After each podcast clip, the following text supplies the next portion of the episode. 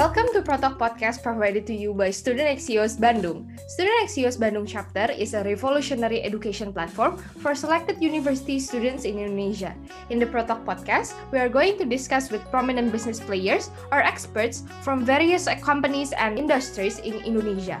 Here, you will be able to gain experiences, boost up knowledge, and expand your network.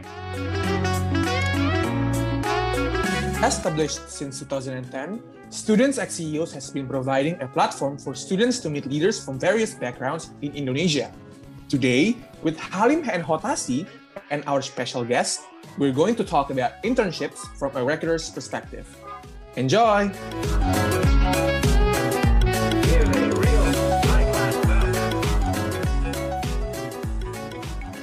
Selamat datang di Protok. Jadi seperti yang udah kita ketahui nih, mungkin udah bisa dilihat dari covernya, um, kita punya bintang tamu hari ini ada Kanuke Paramita. Dia adalah seorang graduate program analis dari Danone Indonesia. Kebetulan Kanuke ini juga um, alumni nih dari Student Axios Bandung. Mungkin dari Kanuke boleh kali perkenalan Kak. Oke, okay. halo semuanya. Uh, aku Nuke. Saat ini aku kerja di Danone Indonesia sebagai Graduate Program Analyst yang sehari-harinya kerjaan aku adalah manage program Danone MT Star. Aku alumni dari Sunai CEOS Bandung, batch 5 dan batch 4 juga sih. Jadi aku 2 tahun di Sunai CEOS dan juga selain bekerja aku masih aktif um, di beberapa pro bono volunteering organization seperti Indonesian Youth for SMEs di kampus update dan juga ada dua inisiatif yang lagi digarap sama teman-teman uh, di kantor juga ada pro, uh, peer class dan hmm. juga langkah kita gitu itu kalau peer class itu lebih ke platform peer to peer sharing dan kalau langkah kita itu lebih ke volunteering activities um, terkait education untuk adik-adik di sub. Kan Kanuke ini ada di HR gitu ya. Sebenarnya apa sih hubungannya HR dalam internship gitu ya? Khususnya perannya sebagai rekruter untuk intern kak? Oke, biasanya HR itu dapat tawaran untuk bekerja sama dengan beberapa universitas. Nah, HR juga biasanya tuh yang menghubungkan tawaran tersebut dengan user sesuai dengan yang terkait sama posisi intern yang dibutuhin gitu. Jadi HR di sini tuh sebagai eh, penjembatan dari kedua belah pihak ya Nah, selain itu juga HR itu sebagai screener pertama, di mana tugas HR adalah memastikan bahwa kandidat yang diproses itu sudah sesuai dengan rekrutmen yang dicari atau belum, dan kira-kira akan cocok nggak sih sama user serta work culture yang ada di company dan departemen terkait. Jadi, to sum up sebenarnya itu perannya HR yang berhubungan sebagai rekruter para intern gitu. Mungkin aku mau nanya-nanya dikit nih Kak, aku penasaran sebenarnya uh, sebenarnya apa sih alasan sebuah perusahaan itu membuka internship buat kayak para mahasiswa fresh graduates gitu kayak keuntungan apa sih yang sebenarnya diberikan oleh sebuah internship kepada perusahaan itu? Ya sebenarnya kan kalau balik lagi secara harfiah internship atau pemagangan itu adalah bagian dari sistem pelatihan kerja yang diselenggarakan secara terpadu antara pelatihan di perusahaan dengan bekerja secara langsung di bawah bimbingan atau pengawasan supervisor yang lebih berpengalaman dalam rangka untuk menguasai keterampilan atau suatu keahlian tertentu. Nah, jadi sebenarnya internship itu emang disediakan supaya jadi pelatihan kerja gitu. Di mana hmm, teman-teman mahasiswa itu dipersiapkan supaya bisa lebih siap untuk masuk dunia kerja. Jadi ingat ya, kata kunci di sini adalah pelatihan dan keterampilan. Jadi ini memang emang tempat belajar gitu. Nah, internship juga sebenarnya adalah opportunity supaya teman-teman yang berminat untuk bekerja di suatu perusahaan idaman atau di function yang kalian minati itu kalian bisa bisa tahu sebenarnya sehari-hari ini kerjanya ngapain sih di departemen ini hmm. Eh, terus juga selain itu bisa bisa menunjukkan potensi diri teman-teman di situ gitu karena terkadang bisa saja sih uh, teman-teman yang udah jadi intern setelah lulus nanti bisa jadi di hire jadi karyawan setelah bisa hmm. menunjukkan performa terbaik ketika lagi internship. Hmm. Berarti memang tujuannya adalah kalau yang ketangkep kayak mencari individu-individu potensial gitu dan akhirnya emang jika mereka sudah bisa membuktikan itu lewat internship ya company bisa gitu kayak untuk uh, meng-hire mereka lagi gitu menjadi bukan hmm. intern lagi tapi sebagai pekerja tetap gitu ya. Betul. Dengan catatan hmm. kalau udah lulus ya. Jadi karena biasanya internship itu pas masih student. Biasanya sih anak tingkat 4 sampai anak tingkat akhir yang lagi skripsi terus aduh gabut nih masa skripsi doang. Biasanya tuh sambil hmm. magang gitu.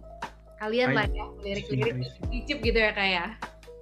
Betul, betul betul karena kan memang kalau menurutku ya sebagai students tuh uh, hmm. kita tuh harus ta selain kita tahu maunya ke mana, kita harus cobain dulu kerjaannya.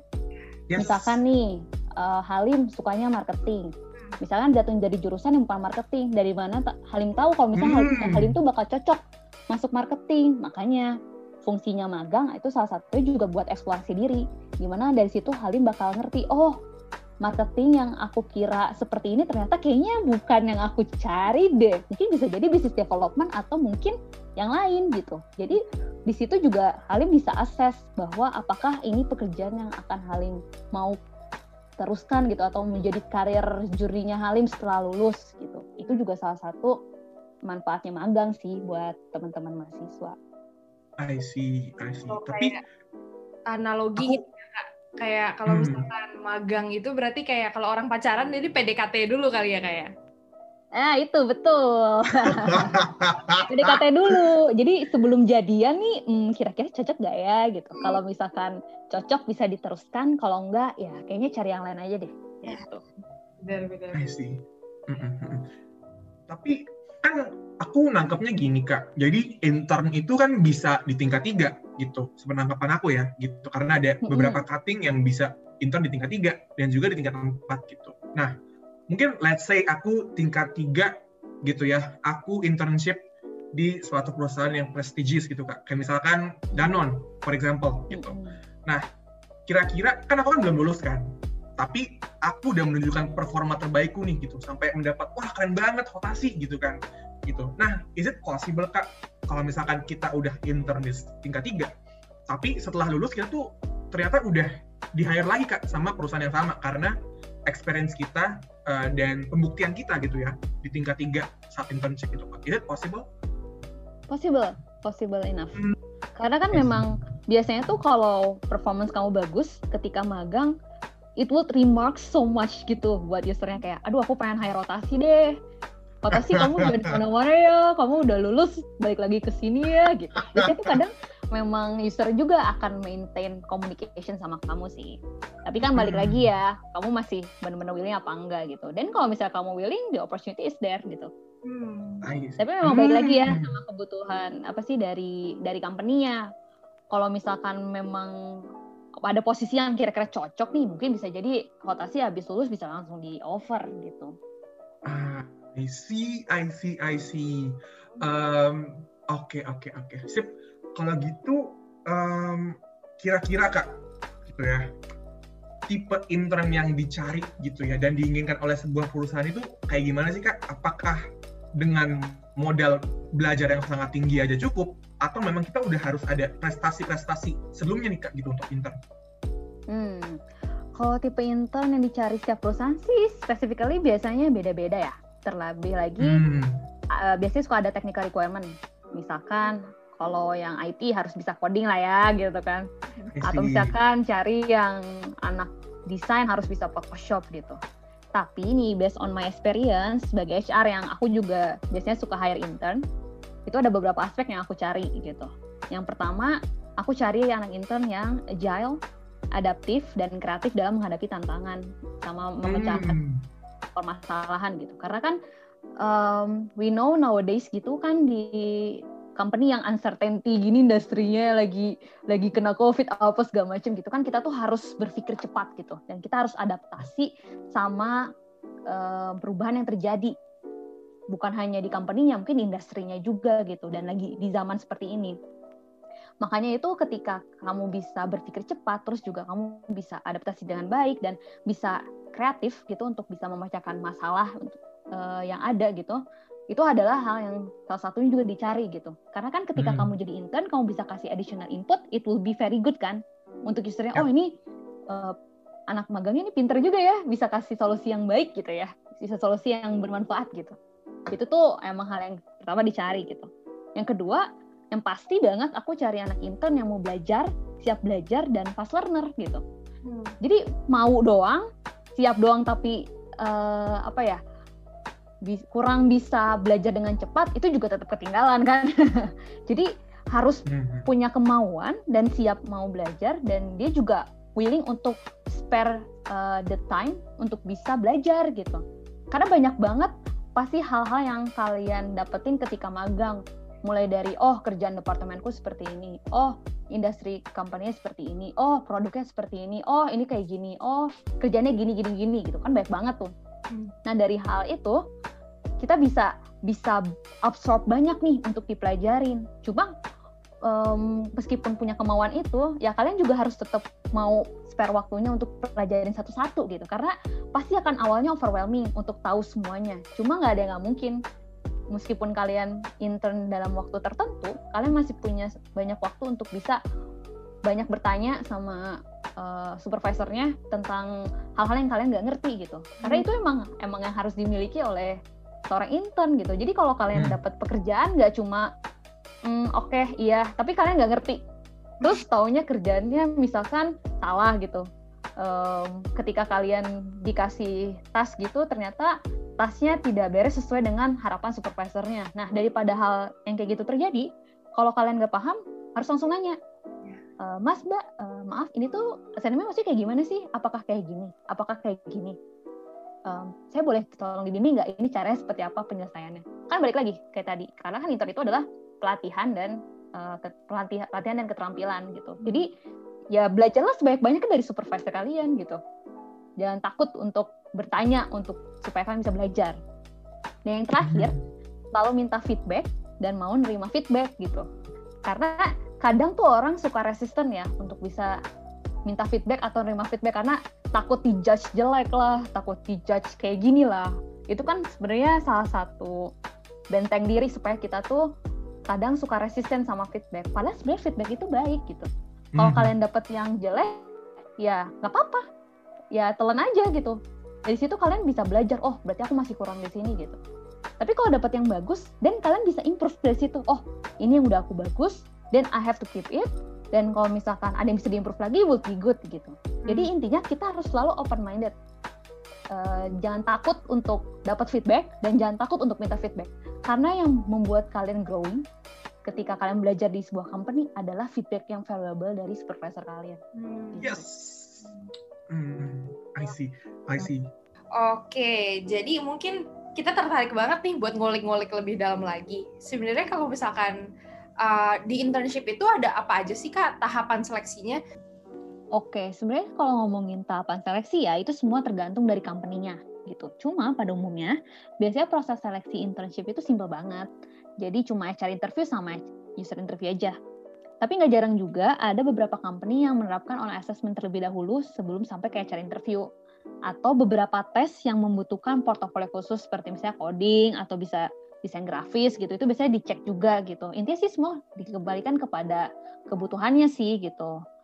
Uh, dan biasanya juga kalau sebelum HR interview ada quick call untuk ngecek apakah misalkan uh, kira-kira nih memang kandidat kandidat internya itu cocok nggak ya sama kualifikasi yang lagi dibutuhin jadi lebih ke reconfirm aja sih tentang posisi ini.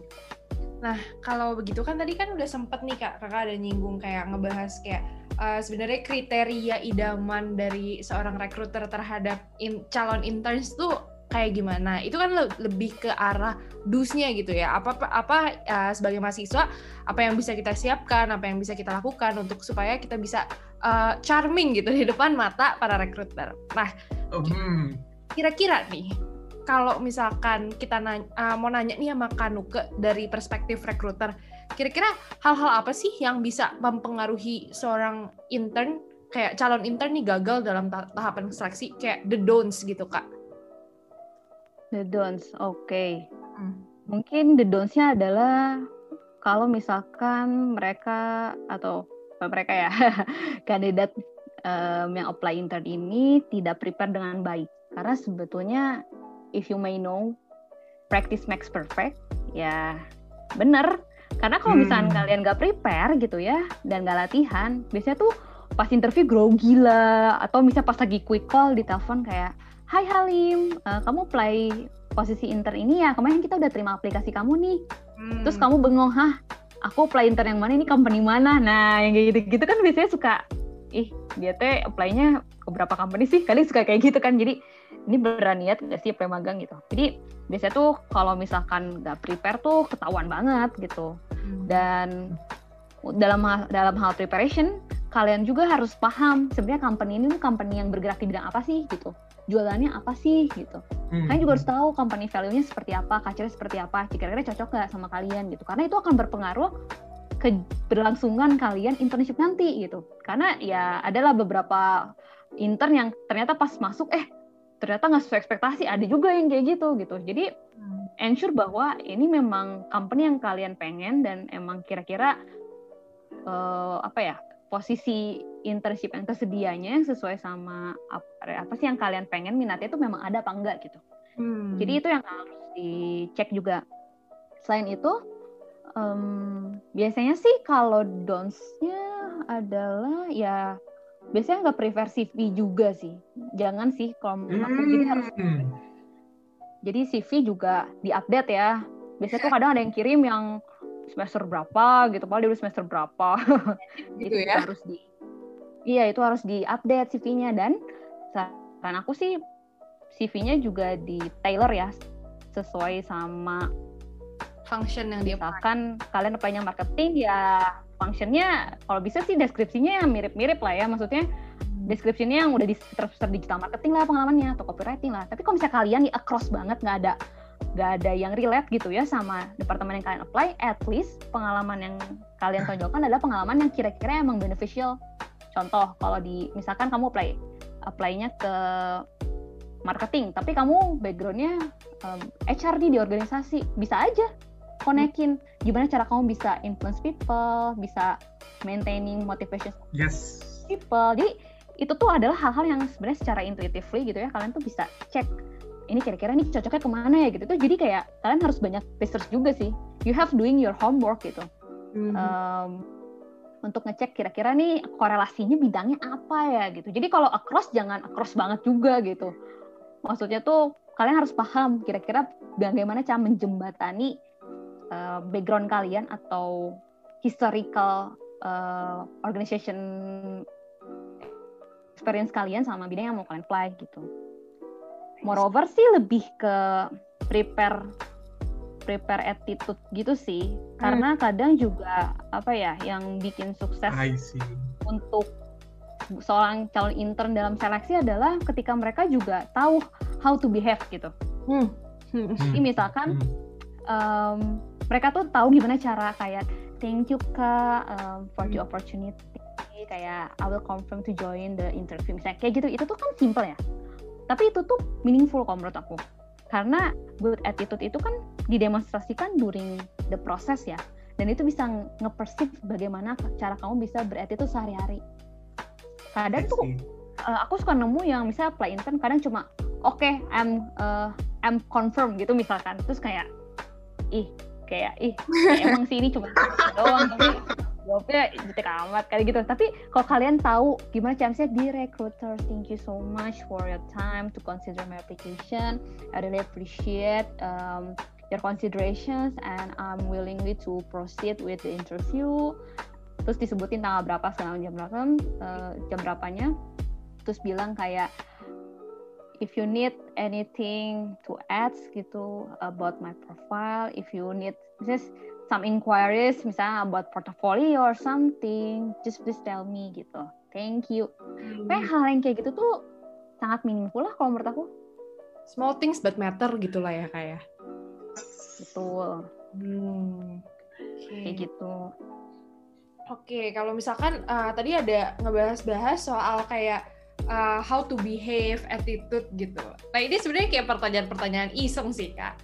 Um, kalau Hanukan sendiri nih selama kayak ngehandle uh, calon-calon anak-anak MT, calon-calon anak-anak intern, pernah nggak sih kayak ada pengalaman buruk berhubungan dengan para interns gitu, yang selama prosesnya mungkin internnya melakukan sesuatu yang bikin kakak kecewa gitu? Hmm, intern karena aku udah beberapa kali hire intern, ada sih kebetulan pernah ada ya uh, pengalaman buruk tapi di satu sisi kayak hmm oke okay, jadi pelajaran aja sih hmm. jadi dulu aku pernah punya intern yang ketika di interview itu cukup bagus gitu orangnya tuh convincing hmm. bisa demonstrate attitude-nya bagus leadership skill-nya hmm. oke okay. wah pokoknya pas interview kayak wah ini kandidat yang gue cari kayak gitu loh nah pas pas intern wah ternyata 180 derajat tuh dari pas yang aku temuin pas interview orangnya tuh pasif banget udah gitu tuh kalau disuruh baru ngegerak gitu hmm. terus kalau nggak ditanya hmm. ngerti hmm. assignmentnya atau enggak nggak pernah bilang jadi harus ditanya gitu benar-benar pendiam dan maksudnya nggak get along juga sih jadi orangnya nggak nggak berusaha untuk berbaur jadi benar-benar ya udah datang intern duduk gitu hmm. nah terus um, waktu itu tuh kayak aku bisa bilang sih karena dia kurang inisiatif dan proaktif juga. Terus jadi dia nggak apa ya nggak kenal banyak nggak kenal deket juga sih sama tim gitu ya. Jadi kayak ngerasa mojok aja gitu sendiri gitu. Padahal sebenarnya as a team pasti kan kita uh, suka kayak eh uh, intern baru ya namanya siapa? Gitu tapi orangnya tuh kayak menarik diri gitu kayak aku di sini datang cuma mau kerja doang nggak mau temenan kayak gitu. Kadang tuh wow. ngeliatnya kayak gitu kan kayak ih nih kenapa sih intern gue gitu kan. Sedangkan aku kan tipe orang yang um, harus get along with people karena kerjanya banyaknya sama people sebagai HR gitu kan. Yeah. nah udah nyampe tujuh hari nih resign resignnya via WhatsApp gitu. waduh. Oh. Dia balik card gedung sama flash disk kerjaan gitu pakai gosen Nah, sebenarnya tuh kalau misal resign tuh ini pelajaran ya teman-teman ya. Kalau resign itu nggak boleh itu cuma via WhatsApp karena ada prosedur yang harus dijalankan segala macam. Dan baiknya juga didiskusikan alasannya kenapa resign atau segala macam. Aku tuh pernah nanya sih kayak kenapa kok resign terus via WhatsApp, via WhatsApp gitu. Ternyata dia nggak bilang alasannya sih kenapa. Cuma aku duga sih mungkin dia kaget sama fast fast environment sama work culture-nya di dalam seperti apa gitu. Serta kerjaannya biasanya kan benar-benar involve um, involve assisting manajernya gitu kan, assisting supervisornya. Jadi kayak bener-bener kan namanya juga latihan ya. Yeah. Jadi biasanya kayak eh ini kerjaan ini ini ini terus nanti disupervisi gitu. Mungkin kaget aja sih. Jadi yeah. um, dari situ mungkin dia ngerasa kayaknya nggak cocok deh untuk internet sini akhirnya resign gitu. Nah di sini aku mau highlight sih sebetulnya bahwa siapa pun tuh bisa apply intern, bisa apply intern apa pun, bidang apa pun. Karena previously internku ini juga dia bukan dari HR bidangnya tuh kalau nggak salah counting apa. Hmm. which is ya uh, itu kan jauh juga ya maksudnya dari counting ke HR gitu kan. Hmm. nah tapi sebelum bekerja tuh jadi teman-teman tuh selalu pastikan apakah ini tuh perusahaan yang bakal cocok sama teman-teman. Culture-nya tuh cocok gak sih gitu? Terus sama departemennya ini kira-kira nyambung nggak ya? Ini kerjaannya nih gue biasanya kerjanya accounting itu sekarang kerjanya sama orang. Ini kira-kira gue bisa nggak ya gitu. Itu temen-temen tuh harus bisa asas diri gitu. Terus udah gitu sama pace kerjaannya nih dengan ukuran company yang kayak gini gitu kira-kira bisa nggak ya keep up gitu. Hmm. jadi bener-bener jangan asal apply harus nanya sama diri sendiri refleksi dulu kira-kira uh, akan seperti apa. Nanti kalau misalkan teman-teman keterima magang gitu. Karena ini akan impact lebih jauh ke credibility teman-teman gitu. Ya syukur-syukur hmm. kalau teman-teman um, abis lulusnya nggak mau apply lagi di company yang sama atau industri yang sama gitu. Tapi kalau kalian masih mau gitu kayak, aduh kayaknya aku sekarang emang nggak mau dulu tapi nanti aku mau apply lagi nih, jangan harap sih. Hmm. Karena credibility hmm. kalian udah kayak, aduh aku nggak mau ah hire dia, soalnya kemarin masa nggak nyampe tujuh hari udah nggak kuat langsung resign. Hmm. Tapi balik lagi kita nggak sebenarnya kan nggak bisa judge juga mungkin karena apa seperti apa gitunya eh, yang terjadi ya bisa jadi memang karena ngerasa nggak cocok gitu maka dari itu sebenarnya assessment diri itu adalah hal yang penting yang dilakukan sebelum teman-teman bisa untuk milih perusahaan untuk magang. Hmm, I see, I see. Oke, okay. berarti tadi beberapa pengalaman buruk dari intern kakak gitu ya. Berarti uh, belum pernah dong kak ada interview terus internnya ngupil pas interview berarti belum pernah ya? Um, belum lah tapi ya mungkin kandidat kandidat aku pernah ketemu beberapa macam tipe kandidat sih. Ada yang dia udah udah naik M, apa sih KRL terus panas-panas. Hmm. terus ternyata nggak pakai hmm. ada. Ada. Ada juga ya, datang ke kantor pas interview dia rambutnya acak-acakan cowok ya. Rambutnya acak-acakan panjang. Terus depan aku pas interview benerin rambut mulu. Terus karena rambutnya tuh kayak berponi gitu kebulupan terus ngerti gak yang dikatasin ke depan lagi katasin ke depan lagi gitu. Ada sih tiba-tiba yang kayak gitu. Jadi ya itu cuma itu kejadian lucu aja sih kalau lagi interview. Cuma kalau pengalaman buruk tuh salah satunya yang pernah terjadi ketika aku punya intern gitu. Mungkin cerita-cerita lain lebih ke yang aku denger ya. Ada yang punya intern supervisornya datang jam 11 internnya datang jam 11 padahal Waduh. kan kalau menurut aku by default ya jam 8 jam 8 datang ya pulangnya jam 5 gitu. Jadi memang sesuai dengan uh, perjanjian yang dibuat aja di awal bahwa kalau misalnya magang memang datang jam segitu pulangnya jam segitu. Jadi nggak ikutin supervisornya kecuali supervisornya bilang eh kamu masuk jam 11 aja gitu ya nggak apa-apa. Tapi kalau supervisornya dari jam 11 ya mungkin supervisornya kan ada acara dulu lah apalah atau misalkan ada keperluan apa dulu gitu jadi jangan sampai supervisornya udah datang terus anak pagi yang belum datang gitu. Karena lucu banget sih. Pas ditanya kenapa kamu baru datang jam 11? Oh, kan Mbak juga datang jam 11. Jadi saya ikut Mbak. Aja. Itu kan gak lucu karena apalagi kamu baru masuk magang terus berapa hari gitu. Hmm. Kayak, wey, bentar nih, kok ngeliat gara-gara ngeliat gua belakangan ini selalu nyampe jam 11 terus tiba-tiba nih anak ikutan jam 11 kan gak lucu ya. Jadi kalau nggak tahu reasonnya kenapa, jangan diikutin gitu. Better nanya mbak mohon maaf nih saya belakangan ini merhatiin mbak datangnya jam siang siang mulu nih jam 11 um, kira-kira itu emang jam masuk mbak apa gimana? Apakah saya harus mengikuti mbak? Apa saya datang sesuai jam hmm. kerja saya aja jam 8 ini benar-benar harus terbuka sih. Jadi jangan langsung tiba-tiba just oh supervisor gue jam 11 gue jam 11 aja deh gitu kayak men lo lo kan kerjanya ini kan uh, apa latihan ya latihan gitu latihan kerja hmm. ya kalau yang kayak gitu harus di, di confirm sih kalau menurut aku jadi as a intern you also have to be mindful dengan attitude kalian juga sih itu tips yeah. biasanya aku kasih tahu ke anak intern kalau pertama masuk um, regardless apa sih regardless um, supervisor kalian datangnya jam berapa ya kalian datang sesuai dengan jam kalian yang tertera aja sih di kontrak magangnya. Hmm, I see, I see. Berarti ya be mindful dan jangan takut bertanya kayak kalau aku yang tangkap ya gitu. Wah, tadi jujur agak sangat insightful sih tips and triknya gitu. Karena aku jadi nggak sabar buat masuk Danon, tapi gitu ya. tapi kak sebenarnya aku agak penasaran sih karena uh, perusahaan-perusahaan kan tiap tahun gitu ya. Aku melihatnya buka internship nih gitu, membuka peluang baru untuk uh, para magang baru gitu ya, regardless dia keterima atau enggak.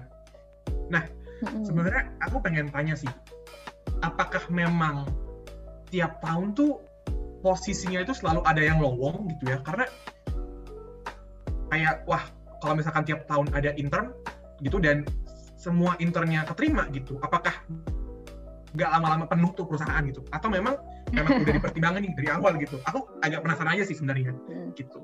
Oke, biasanya tuh kalau untuk posisi intern itu memang hmm. dari kampus gitu ya atau universitas itu atau career center ya biasanya bisa langsung reach out um, ke company-nya ngobrol sama HR-nya misalkan eh ini gue mau send 10 anak magang atau satu angkatan berapa sih orang yang mau magang? gitu. Kira-kira bisa nggak? Ah, karena biasanya kerja sama sama beberapa perusahaan ya nggak cuma satu perusahaan gitu. Mungkin ada anak-anak yang memang berminat magang di satu perusahaan X ini gitu. Kira-kira nih bisa nggak ya gue nyalurin 10 anak magang gitu. Nah nanti biasanya dari HR-nya akan ngecek nih kira-kira nih anak-anak yang dengan minatnya seperti ini bisa nggak ya dimasukin ke departemen-departemen terkait gitu. Jadi memang itu balik lagi biasanya tuh melihat dari uh, request magang dari anaknya itu mereka minatnya ke mana terus nanti dicek nih kira-kira uh, departemen terkait ada nggak ya yang cocok gitu untuk bisa menjadi tempat belajarnya si anak magang ini gitu.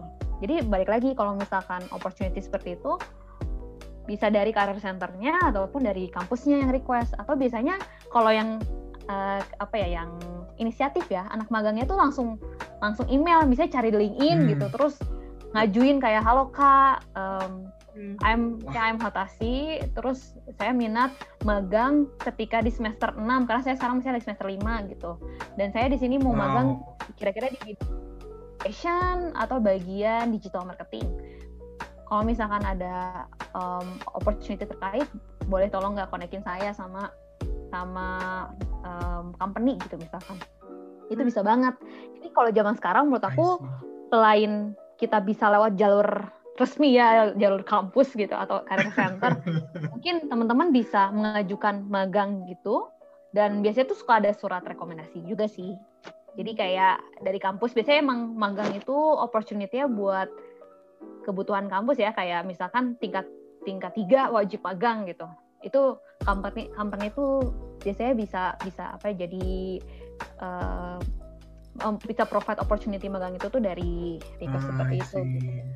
Nah, cuma nih kadang kan juga suka nanya eh, emang nih um, magangnya kayak magangnya ada nggak ya kayak gitu-gitu. Biasanya tuh semua informasinya tuh bisa didapetin di Instagram company-nya gitu atau misalnya di website company ya itu juga ada biasanya. Jadi ya rajin-rajin stay tune aja gitu. Pokoknya tuh kalau misalkan um, kampus career center kayak gitu itu biasanya suka ada kerjasamanya juga sama company. Jadi kalau saran aku kalau teman-teman mau magang coba cek ke career center kampus teman-teman atau coba cek ya di kampusnya gitu kira-kira company apa aja yang udah kerjasama dan kira-kira kalau play company yang di luar yang udah kerjasama bisa nggak ya? Atau misalnya create opportunity baru. Kira-kira kamu sama teman-teman kamu ada yang maunya minatnya magang di company A nih gitu. Bisa nggak ya kalau ngajuin ke sana gitu atas nama uh, atas nama kampusnya. Itu bisa banget. Pokoknya hmm. rajin banyak research, bener-bener banyak tanya-tanya sama kampus. Terus juga banyak tanya-tanya sama orang yang udah di company, kira-kira nih kak, aku mau ngajuin magang semester 7 pengennya di company ini, bisa nggak ya gitu-gitu. Jadi bener-bener banyak connect sama orang menurut aku gitu. Oke, mungkin karena kayak asik banget sebenarnya kalau misalkan ngobrol sama Kanuka, aku sama Hotasi mungkin kalau misalkan uh, podcast ini kayak gak ada limitnya, mungkin kita bisa tiga jam. um, mungkin um, jadi mungkin para future leaders di sini yang ngedengerin pasti tertarik banget nih, pasti banyak yang pengen uh, nge-build career path-nya di dunia FMCG juga. Dan seperti yang Kanuka udah bilang tadi um, untuk cari informasinya bisa lewat Instagram, bisa lewat website atau bisa lewat mana lagi Kak kalau misalkan untuk Danone Indonesia? Kalau Danone specifically teman-teman bisa cari informasinya melalui Instagram kita at dan community eh salah at dan community ID. Hmm. Di situ udah banyak banget sih informasi-informasi terkait gitu. Jadi bisa scroll aja Instagramnya atau pantengin aja di IG story-nya gitu.